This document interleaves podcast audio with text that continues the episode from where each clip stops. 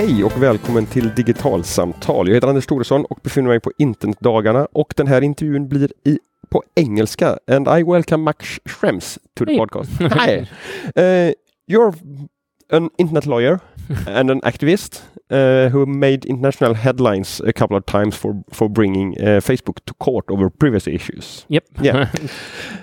I would like to start with how you define uh, privacy. W- w- w- what is the concept to you? yeah, I mean, there are two sides to it. I think what I'm usually more concerned about is not privacy technically, but um, what we call informational self determination. So that you as a user decide if you want to have your. I know your naked pics online or not, and that not a company makes a decision over your information and how it's used. Um, privacy in like the, the the the original meaning of privacy is usually that you can exclude other people from certain stuff where you feel that's private or confidential or so. Um, and I think it's oftentimes a kind of precondition for other fundamental rights. Like you have freedom of speech that is usually empowered if you have a certain privacy and a certain kind of circle where you know it's only shared within that area. You're usually much more open in your freedoms. Um, but there are other things that are much harder to explain. For example, sexuality is something that is private, even though there's not a real reason for it. Like it's not logical that it has to be. Um, so a lot of it is highly cultural or dependent on on on um, your personal feelings, and that gets you back to this informational self determination. Because I think, after all, people should make in their own choices of what they want to share and and how they want to share it. So, so privacy is something you uh, you have in relationship Yeah, to another like- entity or, or, or person. Uh, privacy is something you have, and then the question is who determines if you have it or not. Like Yeah. if it's a company determining if you have some privacy here or not, or if it's yourself. And I think a lot of the European regulations are not technically giving you privacy or prescribe privacy. Like you are totally free to give all your privacy up and, and put, you know, even your most intimate stuff online. Um, but it should be your choice and not someone else's determination. I think that's that's rather important. but that that means that that what what you are talking about so far, at least, is the the data, the stuff that you are Mm. aware of that Yeah. you that you are sharing. But but in, in in society today, there is also a lot of data collected about us without us under, understanding and knowing about it. Absolutely, and I think on on that side you could have the same determinations made by the individuals as it is with stuff that you actually actively put online. Mm. And um, I think that's doable and not a big issue. But uh, the big problem is that most people don't understand that second part. Like most people realize if I share something, then it's online, but they don't realize that if I just go to different pages in a way, that also shares a lot of information about me, a lot of like uh, technical data that's collected in the background, or big data analytics where they just have three pieces of information but add 10 others to it because they figure they can kind of calculate that on you. And that's usually the, the biggest privacy issues because um, that's that stuff that happens in the background without your knowledge. Um, and that is the things where we usually try to go into. Like if you, you know, post your own stuff online, that's things that you can probably check yourself. But what companies do in the background, then that's actually the really juicy, interesting stuff where your control is usually lost. Yeah. So the the the cases uh, against Facebook, uh, what what are they about? um, there are many, many cases Yeah. right now. Um, there is one big case that's pending at the Court of Justice right now that's about data transfers. That's not specific to Facebook, but basically we outsource a lot of the data processing to the US, and um, the US has specific surveillance laws that say that the NSA or other security services in the US can actually get access to all that data. And that's not only interesting from a privacy perspective, but also from a uh, commercial interest, for example, when certain industry sectors know that their data is suddenly looked at by the NSA, then it's a problem for their business. Um, on top of that whole privacy debate, and what the EU law says is you're basically not allowed to send data abroad. Like um, data has to stay within the EU unless you can make sure that it's actually properly protected abroad. And the argument we're making is very simple. And we basically say, you know, we know that there is surveillance laws in the US. They prescribe explicitly that this data has to be provided. And um, so there's no way you can send data to these specific companies in the US. It's important we're not attacking the whole US uh, system. There is a specific surveillance laws that applies to basically the big hosting cloud providers. Yeah. Um, and that's what we're actually going into. So the let's say traditional industries like I don't know airlines that send booking data over there or hotels or if you send an email to a friend in the US, that's actually not part of the case. Um, that's another story. Yeah. So so, so what, why is this important for, for you to to to to uh, run these cases? We, we more in this case I kind of uh, stumbled into it because um, the the mass surveillance debate came out up after Snowden, and so we kind of knew that this is happening, but there was not really any way to bring it up to the courts, and we found a way to to get this debate up into the courts, and won it the first time. Now we're basically there the second time, um, and there was just important, I think, to also say, okay, there is consequences. There is a way to enforce your rights, and we don't just have to sit around and say, oh, that's what they do. We can't do anything about it, anyways. Let's go home. Um, so that was that. But um, for other cases, it really highly depends on on on the issues. I think for for me, it was mainly a, a problem that I came into the privacy world after it existed already. And it's interesting that as a lawyer, whenever you park in a wrong spot, you get a ticket. Whenever you, you know, violate a contract, they can sue you. It's kind of obvious that we usually in a proper society follow the rules just not in the privacy world. In the privacy world, uh, the regulators are like, you know, it would be nice if you would think about considering to possibly follow the rules. And it's kind of weird because it's at the same time a fundamental right. Like there's no fundamental right to parking in the right spot. But, but why, why why is that? Um, I think it's historic. I think um, at the beginning when the first privacy laws were passed, even in the law, sometimes it kind of explains in the Austrian one, for example, that um, you know it's going to be very little companies that actually have to deal with it. They have to be educated, and we have to help them, and so on. And I mean that was totally fair in the 80s. That was totally fair, probably even in the 90s, to say, you know, guys, this is new. You have to adapt to it, and so on. But it's not a fair statement anymore in 2020 on Facebook or Google. So they totally know what they do. They totally know what they do with that data. But we're still having this non-enforcement culture in in the privacy world. It's shifting now with GDPR, with the new privacy law in the EU, uh, where at least some of the regulators are changing cultures and they're getting to a more kind of enforcement type of, of, of regulator. Um, but others don't have the resources, don't have the interest. They also sometimes, you know, some countries just put the wrong people there sometimes because they don't have other people or also intentionally put someone there that doesn't properly enforce it um, and that is that is a bit of a you know a kind of a a stuck culture that was uh, promoted for 20 or 30 years. And it's very hard for them to change from one day to the other to say now we're not your friends anymore to give you like a lesson about it would be nice if you follow privacy rules. Um, but suddenly we're actually a regulator that that um, files against you if you don't do it. And i think that's a bit of a role that so to say newcomers in the area have that they're like you know guys it's a fundamental right and it's a law like anything else, and you have to follow it. Newcomers in, in, in what sense? And people that are a bit outside of that original privacy yeah, Okay. You know, there's basically an older generation that are probably 50 or 60 today that uh, um, still hold many of these positions or, um, you know, are, are, brought up that way. And um, there are a lot of them that kind of are really happy now that for the first time they can actually really enforce stuff.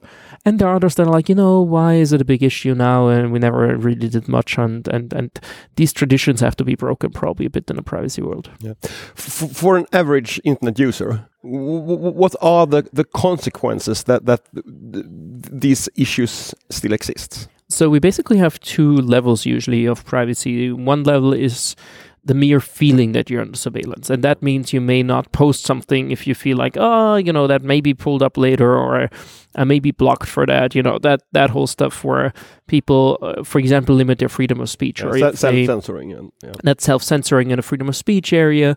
That's, um, you know, in other areas when it comes to vulnerable groups to uh, you know your voting rights or whatever the more you have the feeling that what i do here is tracked the less you may exp- express these things or, or use them.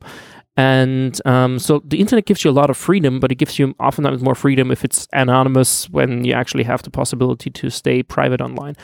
Um, and that's one area. The second area is when you actually have consequences from it. Um, now we're still in the world where it's like, you know, advertisements that follow you around online. But we're starting to see stuff like price discrimination when you know they track you and see okay that guy's really really interested in that in in that stuff so we make it more expensive for him um, or they are like okay she has already kind of dropped the page three times. Let's make it cheaper for her because she may be now interested in that, or, or may only pay it for um, use it for a lower price. Um, and so we see that, for example, these uh, what we call a free market is totally broken up. Um, if price discrimination becomes a thing, because then we don't have a market price anymore, but we have individual transactions that all have different prices, um, and that is probably more concrete thing where people literally lose money out of their pocket um, because um, of of data collection. And there are tons of other of others of these examples. There is, for example, um, in many countries, credit ranking. I don't know if that's a big thing in Sweden, but in many countries, that really blocks you from even getting a rent, uh, a rental contract, because if you have the wrong numbers in your credit ranking um, history, that oftentimes are wrong. Like in many countries, the the quality of this data is really really bad, and then you don't get a cell phone contract, you don't get you know whatever. That's more these concrete consequences that you see much more in the US already because they do these things more. Um, but we're starting to see in Europe a bit as well. So, so it's much more than an ideological di discussion. It, it, it has. It's both. It's yeah. it's both. I think it's as with anything. Like if you, it's uh, ideological to say, you know, we want to have a democracy, but it's very practical to say, you know, in a democracy, I may get my rights as a worker more likely than yeah, yeah. than if we're in an absolute monarchy or so. And so it's always both. And um, I think it's important to also see it from both sides and fight for it from both sides because we shouldn't just be, you know, in this airy tower of, oh, fundamental rights are very important, blah, blah. That's true. But we also have to say, you know, what's the direct consequence um, and also fight on these sides. I think it's important to usually keep both on, on in our eyes and, yeah. and realize both. As an individual, I, I mm. can f- protect my privacy against uh, relatives, family, against bo my boss, etc. By, choosing what tools to communicate with online, so, uh, going for for a wire signal for for encryption instead of, of using email, etc. So so on on one level, uh, in in my private life, there is actually some things I can do to enhance my mm. my, my privacy. But uh, in in relationship to Facebook and Google, etc., it's it's much harder for me as an individual to to do stuff. Do, do, do you agree with that? With that bro- absolutely. Um, and I think one thing we have to underscore is um, there's a lot of responsibility shifting going on. Basically, the companies say it's your fault if you haven't read the privacy policy. It's your fault if you put anything online. It's your fault that we have your data somehow. And it's actually the company's problem. It's the companies uh, really not pl- playing by the rules and um, and one thing that is connected to this responsibility shifting is the reality that in many ways you cannot re- technically protect yourself or realistically protect yourself from from a lot of the data gathering. So for example on Facebook we have so-called shadow profiles. So even if a person is does not use Facebook but 50 of your friends do and they import your data in by uploading it for example from the phone, the phone books and so on, then they know oh that person has these 50 friends. They all live in that area. They half of them work at that company. The they all vote for this and that party or the majority of them does. So you can basically figure out what a person has voted for for what their sexual orientation is, what um, area they live in, what their work is, and so on, of people that have never even gone to Facebook.com in their whole life.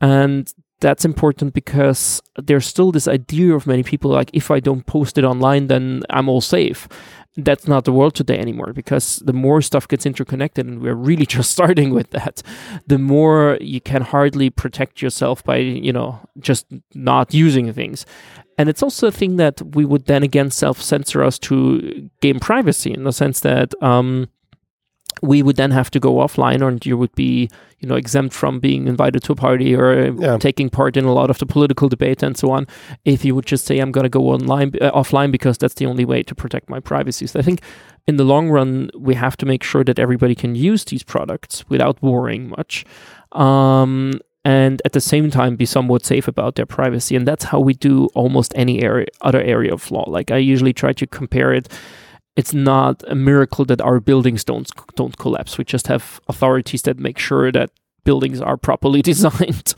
and it's not a miracle that I don't have to throw up every time I go to the supermarket, but we have food inspection agencies that deal with all of that. And I have no clue how this bacteria is called that maybe I don't know on apples or whatever, and yeah. I don't need to know no. because uh, it's just the law that this has to be uh, properly done by the people that have the control over it, which is a producer, a supermarket, and so on. And we never shift these responsibilities to the consumer only in the privacy area we have this debate, and that's kind of a interesting thing that I came across in that area. But, th that's when the companies are, are arguing from a from a business secrets per perspective that if you can can look at our algorithms and what mm. data we use, that that that would hurt our business. That's another part that comes up mainly in the in the debate about um, algorithms. It doesn't come up that much about the pure privacy debate. They even argue that in the privacy debate.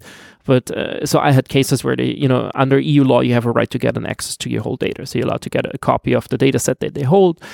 And I had companies that argued that that is their business secrets. And it was like, my data is not your business secrets. My data is my fucking data and nothing yeah, else. Yeah. Um, and uh, so there are always weird arguments that they come up with. But if you kind of drill down a bit, then not much of that usually holds up.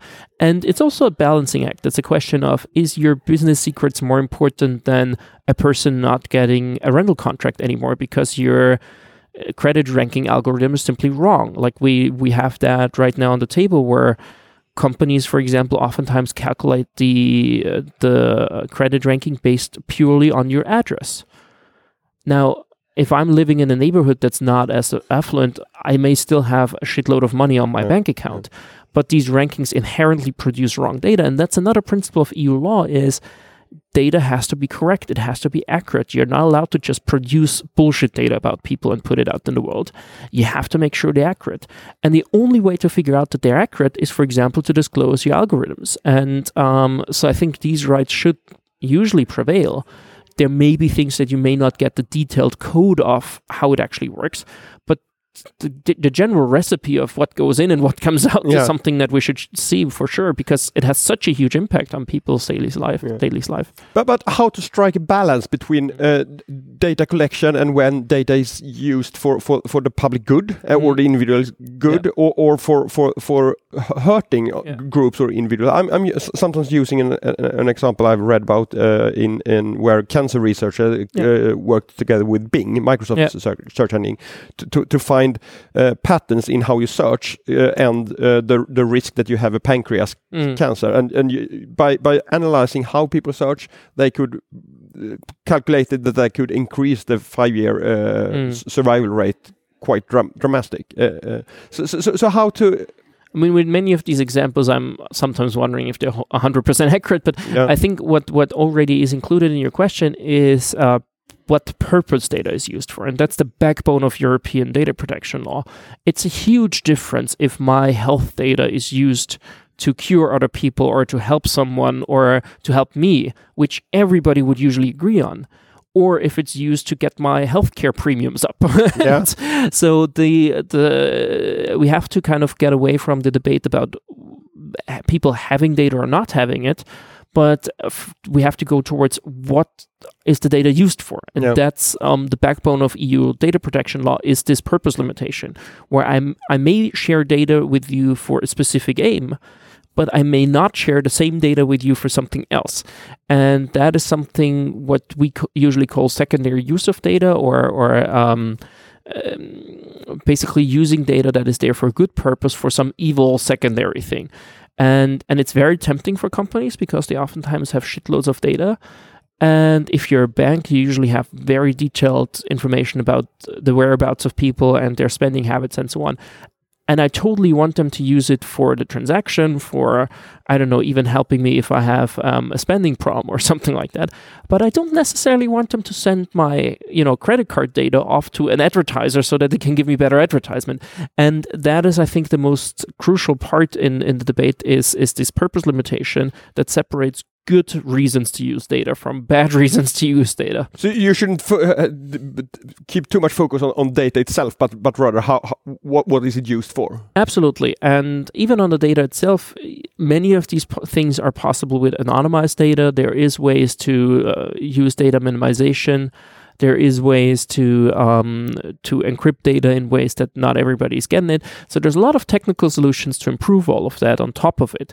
But uh, I think the crucial point is this is this purpose limitation, and that requires a lot of trust because if you factually have data, and the only thing that limits you is the law that says there's purpose limitation, then we have to make sure that this law is properly enforced. And so it kind of requires each other because um, I oftentimes compare it to I know when the first online shops came up, people were like, "Don't ever put your credit data into any online shop. Don't use online shops. They're very terrible. Don't trust them."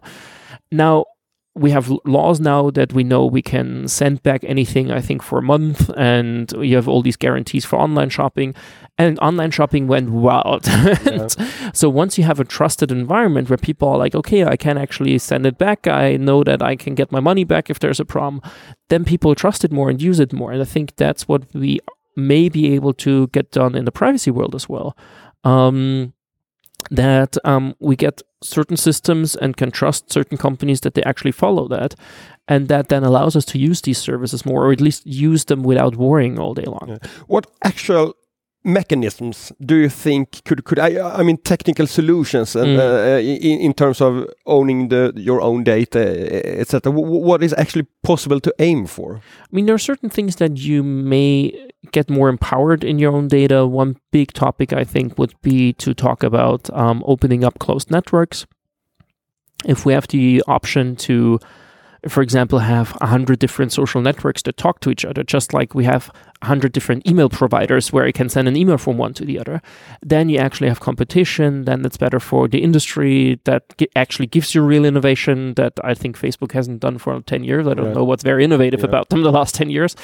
And so there is a lot of potential there that also would allow you to, for example, have your locally stored social network where you feel, okay, that's on my own server. Um, there's a lot of these technical solutions that allow you to uh, allow you to be more empowered. I don't know. You can have your own Nextcloud or whatever. Yeah. Um, but the reality is, most of the people will oftentimes not be able to do that, or will just use the most convenient version. Um, and I think for these parts, then the law is a solution to a certain extent. Technically, there's still a lot of options. I mean, you can install all your, you know, uh, tracking blockers, all of that kind of stuff.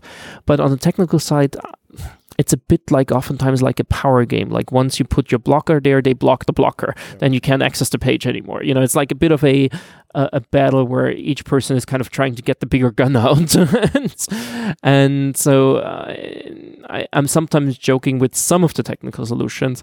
It sounds a bit like, you know, if you have too, murder, too many murderers on the street, you'll just drive a tank. And uh, I'm more from the legal perspective. I'm like, you know, let's just get the murderers off the street and put them in jail. And then we can just walk freely without that. Yeah. Um, but I think it oftentimes needs both. Like it needs technical solutions just as well as legal solutions. Um, and the combination is probably oftentimes sometimes going to do the trick. I, I read Cory Doctorow uh, just uh, a month ago or something where, where he argued that that perhaps one of, one of the most powerful ways to to, to uh, change Facebook's dominance would be to to force them to have an open API for for, for, for other. Uh, that's something along the lines you you. you I think that is especially. I think um, opening up networks is also very, very connected to the European tradition as we did it in most other monopolies before. So it's kind of weird because the internet was an open system and was then closed up by big players sitting on top of it that, that have their closed systems. But usually in Europe, we had it the other way around. Like we had, I don't know, state monopolies for telecom and so on, or for trains or for gas or electricity and so on. And what we did is we opened up these networks. Yeah. Like you can now choose between 100 electricity providers and, I don't know, 50 different internet providers and so on. So you actually have real competition and you actually have the benefits. If you talk to people in the US, they pay 100 dollars a month for internet and and it's even terrible internet. Well here that usually works better because there are these um, actual competitions going on. And their privacy can also become a factor. So people can say you know actually this provider is really really terrible. I don't want to have my data there while right now you have kind of these monopolies. So, for example, when we bring up privacy issues in in the public, Facebook usually doesn't even respond because they know they're in monopoly, and even if people hate them, where else would they go?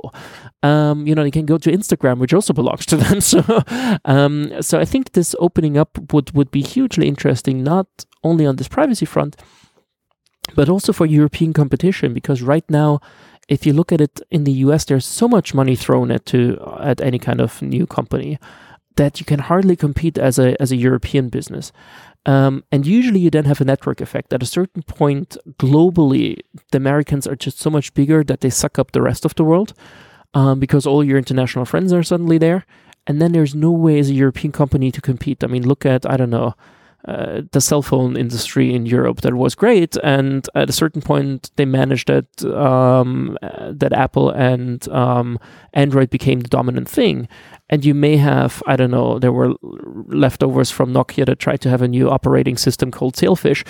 But the reality is because all of these apps are designed in a way that they only work on Amazon devi- uh, um, on Android devices anymore. Your better, uh, more innovative, cooler operating system will never take off. And that is stuff that we could easily regulate in Europe and say, if you're on the market here, you have to have open interfaces. And then suddenly we may see a hundred different operating systems, of which the actual best one is going to win, and not just the lock-in effect yeah. of, of what we have right now. So it's not just interesting from a consumer perspective, privacy perspective, and so on, but I think it would be crucial for European businesses um, because then you can have your, I don't know, specialized thing that uh, takes something on board that's big in one country but not really interesting in the rest of the world. What practical advice do you have to an average internet user today? What, what, what, what, what can one think about or, or change in, in how one uses technology to, to, to make one's life a little bit? So I think there's, I mean, there's certain elements that you can manage yourself in the sense of thinking about what you put online, thinking about which apps you use. I mean, you can install Signal as a messaging app of, instead of WhatsApp, or um, just being aware that there is, you know, uh, that you keep, for example, also if you, I don't know, administer pages that you say, you know, updates are not just on Facebook, but also on the actual page so that people that do not use any closed service can still access it. There's a lot of these things you can do. Um, however, there are many areas of the privacy world where you as a user cannot really do anything because it happens on dark servers somewhere in the background. It's not on your screen, it's no one sees it. And that's the area where I think we try to enforce it kind of more in a collective way. So, for example, we as an NGO, we basically have people donating to us just so that we bring these cases. And that's one of the ways where I think collectively stuff can done. Each person individually can go to the regulator, can say, I want to have a copy of my data. I feel something is fishy about this company. Let's give me a copy of what you hold on me.